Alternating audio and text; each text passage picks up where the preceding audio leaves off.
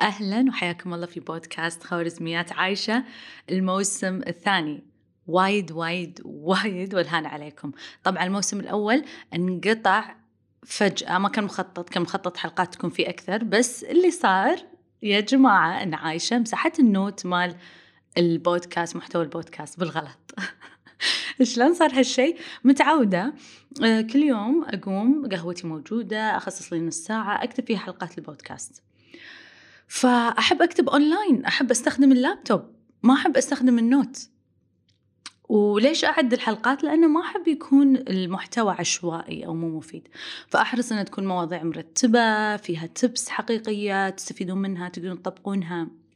فللأسف ذاك اليوم مسحت ال note بالغلط كامل كان في كل الحلقات مكتوبة. بس يلا ما عليه شوية صار ال gap ما بين الموسم الأول والثاني شوية آه، فترة طويلة بس إن شاء الله آه، نعوضكم هالمرة بمعلومات أحسن. حلقتنا اليوم أنا وايد أحبها صراحة لأنها فيها شوي علم النفس أدري أن أغلبكم يمكن أغلب الناس يحبون علم النفس. علم النفس يعني سهل و... و... ويهمنا إحنا كبشر و... ويساعدنا على تعاملاتنا اليومية مع الناس.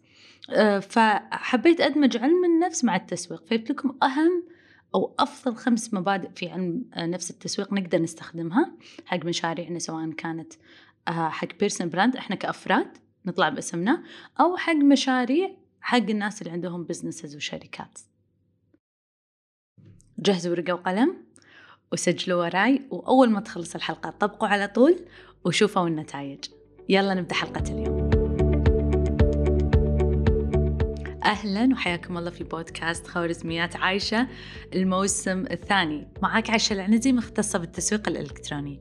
لا تنسى تسوي subscribe وتقيم البودكاست. هالشي وايد يعني لي ويشجعني أفيدكم أكثر وأكثر. وإذا استفدت لا تنسى تفيد غيرك وتشارك الحلقة بالإنستغرام وتسوي لي mention لأن أسوي repost للكل وأقرأ كل ملاحظة وتعليق تكتبونه. يلا نبدأ حلقة اليوم.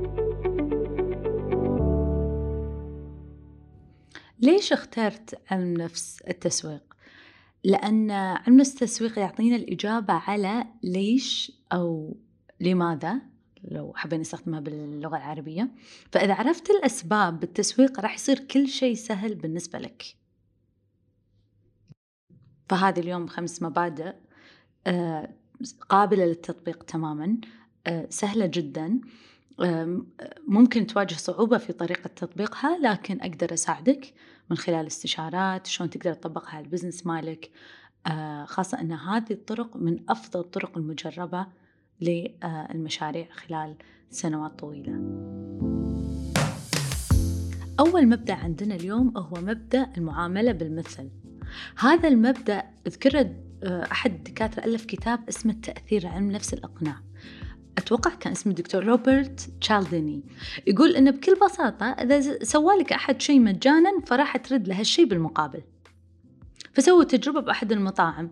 بعد العشاء قدموا حق الزباين آه علكة نعناع قطعة واحدة. فلاحظوا أن التب أو البقشيش زاد ثلاثة بالمية. قالوا أوكي خلينا نجرب شيء ثاني. خلينا نعطيهم قطعتين علكة نعناع. تخيلوا يعني ولا شيء. زاد عشرين بالمية زيادة على ال tip أو البقشيش. فأنت اليوم لازم تفكر شنو أبي أقدم حق عملائي وحق الناس اللي يتابعوني بال social media وبالتحديد الإنستغرام. ما أقولك تقدم منتجات أو خدمات يعني منتجاتك أو خدماتك for free وتخليها صدقة أكيد لا. بس مرات المحتوى القوي اللي فعلا يعطي قيمة حق الناس هذا يعتبر عطاء مجاني منك لهم. قاعد أقرأ الحين كتاب بعد وايد حلو اسمه Everything is Fact هذا الكتاب هو آه، حق نفس المؤلف اللي ألف كتاب فن اللامبالاة. بس هذا الكتاب الثاني وايد حلو وايد عجبني. فيشرح فيه طريقة شلون أنه يعني لما أحد يحسن لك أو يعطيك أو يقدم لك لا شعوريا في عقلك المشاعري راح تحس إنه هو أفضل منك. فراح تبذل جهدك كثر ما تقدر إن أنت توصل حق نفس مستواه فراح تقدم له أشياء وراح تحسن له وترد ترد له هذا الجميل كثر ما تقدر عشان تكون في نفس مستوى. فنفس المبدأ اللي إحنا قاعد نتكلم عنه بالضبط مبدأ المعاملة بالمثل. المبدأ الثاني مبدأ ال hero البطل. oh my God هذا من أحلى المبادئ اللي أنا أؤمن فيها. وهذا المبدأ أنا مو بس أطبقه حق my personal brand هذا أطبقه حتى مع آه، عملائنا في The Marketers اللي ندير لهم حساباتهم. نستخدم هذا المبدأ وفعال جدا ويزيد المبيعات بطريقة خيالية. اسم المبدأ مثل ما قلت لكم مبدأ البطل. يتكلم عن شنو؟ هذا المبدأ يتكلم أنك أنت تحط العميل أو الزبون في محل البطل وأنت تصير بالمقابل الجايد أو المرشد. هذا المرشد شنو دوره؟ يساعدهم للوصول للهدف أيا كانت الخدمة أو المنتج اللي آه قاعد تقدمها. لازم هي توصل هذا الجمهور حق الهدف اللي هو يبيه فأكبر خطأ اليوم نشوف لما أحد يقدم منتجاته أو خدماته كشخص أو كشركة دائما نشوف خاصة وقت الإطلاق. قصة خرافية يعني عن ال business وما حد يهتم. ما حد يهتم راح يهتم قصتك إن إيش كثر أنت تعبت ولا إيش كثر أنت أسست. وايد ناس في وقت الإطلاق خاصة في البداية حط نفسه إنه هو ال hero وهو البطل. بالمقابل لا. أنا تعبت وسويت وحطيت عشان أخدمك أنت فبالتالي أنت تستفيد فبالتالي أنت الفايز في هذه القصة. أنت البطل القصة هذه. لو تلاحظون كل الأفلام بالدنيا الناجحة يكون فيها هالشخصيتين. البطل دايما عنده ناس يساعدونه. ومرات إحنا ما نحب البطل ترى. نحب الشخص اللي اللي ساعده أو أو التيم اللي معاه أو اللي اللي يكون جهدهم خلف الكواليس. لأن هذيل هم اللي يعطون حلاوة حق القصة. يعني تخيل البطل ما في أحد يساعده. أو هو بطل خارق يسوي كل شيء بروحه. مع إن حتى قصص الأبطال الخارقين خلينا نقول مثلا على سبيل المثال باتمان عنده عنده مرشد عنده قايد يساعده. ما أدري على أنا شفت آخر season بس صراحة. أو آخر آخر فيلم نزل قصدي مو season آخر فيلم نزل أنا شفته. بس الباقيين ما أدري إذا فيهم قايد أو لا. ف... فنفس الطريقة بالضبط. تذكر هذا الشيء. تذكر الأفلام اللي أنت تشوفها. وبالتالي تعامل نفسك وتعامل مشروعك والبزنس مالك كبطل. عفوا. كقايد وعملائك هم الأبطال اللي أنت تساعدهم. رقم ثلاثة الدليل الاجتماعي social proof. هذا من المبادئ أيضا المفضلة لي. آه يتكلم عن أن الناس ما راح تتشجع أو تسوي آه إحنا نسميه ال call to action تتخذ خطوة وما راح تسمع ال call to action هذا إلا إذا شافت ناس قبلها سوته أو جربته فهو باختصار الناس يقول لك إن الناس تتبنى معتقدات وأفعال مجموعة من الناس إذا يحبونهم ويثقون فيهم. فهذا مثال يعطيك على ليش إحنا نستخدم أحيانا في التسويق شخصيات معروفة وبالأخص محبوبة من الناس. وهذا لما يقول لك ال word of mouth أقوى تسويق. ليش؟ لأنها تعتمد على مبدأ الدليل الاجتماعي social proof شلون تقدر تطبق هذا المبدأ؟ تقدر آه، من خلال testimonials حق عملاء جربوا منتجاتك أو خدماتك. تقدر تعرض أرقام قوية تشاركها من الناس مع الناس من باب الشفافية من باب تحفيز الدليل الاجتماعي. تقدر تفوز بجوائز معترفة. تقدر آه مو شرط تكون مشهورة هذه الجوائز بس على الأقل يعني في مجموعة تعترف فيها. فهذا يقوي الدليل الاجتماعي. رقم أربعة الندرة. هذا المبدأ أتوقع كلنا نعرفه وكلنا يصير فينا بشكل يومي.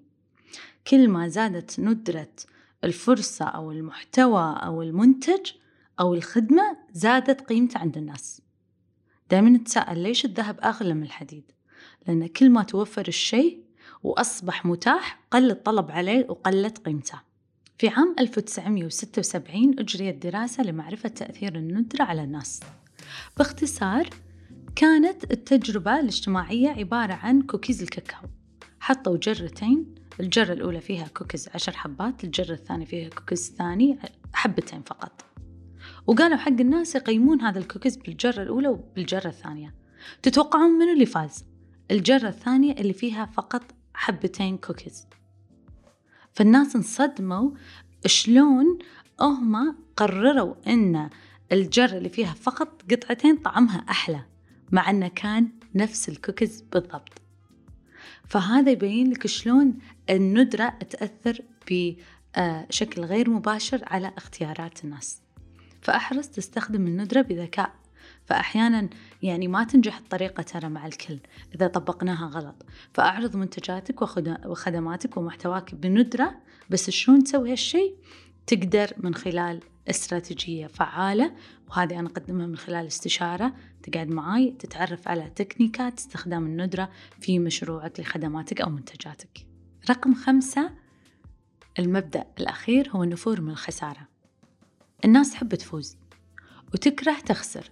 فمجرد الشخص يحصل على شيء راح يكره إنه هو يخسره من بين يدينا وبالتالي راح يحاول كثر ما يقدر يتمسك فيه. طبعا نفور من الخسارة دانيال كانيمان هذا اقتصادي حصل على جائزة نوبل هو اللي كان مهتم في مبدأ النفور من الخسارة واستخدامه في الحملات التسويقية والتصاميم. فيقول تركيزنا على المكاسب الحقيقية أو النفور من الخسارة. فمثلا إذا حبيت تطبقه داخل مشاريعك تقدر عندك جانبين. إما توري الزباين أو العملاء شنو المكاسب اللي هم ياخذونها في المقابل تقدر توريهم شلون هم يتجنبون الخسائر كثر ما تقدر. منتجك أو خدمتك أو خدمتك شلون تخليهم يتجنبون الخسائر المحتملة اللي ممكن تصير لو ما استخدموا المنتج أو لو ما آه، أحجزوا الخدمة مالتك. مثال تقدر تستخدم من خلال تق... يعني تستخدم هذا المبدأ من خلال تقديم ميزة لفترة محدودة في الباقة المجانية. وبعد فترة تقدر تشيلها وتطلب من الشخص يسوي upgrade حق ال package عشان يقدر يحصل عليها آه، باعتبار أكيد أنه يكون في بينكم اتفاق وكل شيء يكون واضح عشان تحافظ على سمعتك وعلى خدمة العملاء. ما يصير بعد فترة بدون ما يدري تقول له ما راح أعطيك هذه الخدمة وكان في اتفاق بينكم بسبب أن أنت تبي تسوي upgrade بدون ما الزبون يدري أو العميل يدري. فهذا خطأ وايد كبير. فلازم تكون حذر شلون راح تطبق هذا المبدأ.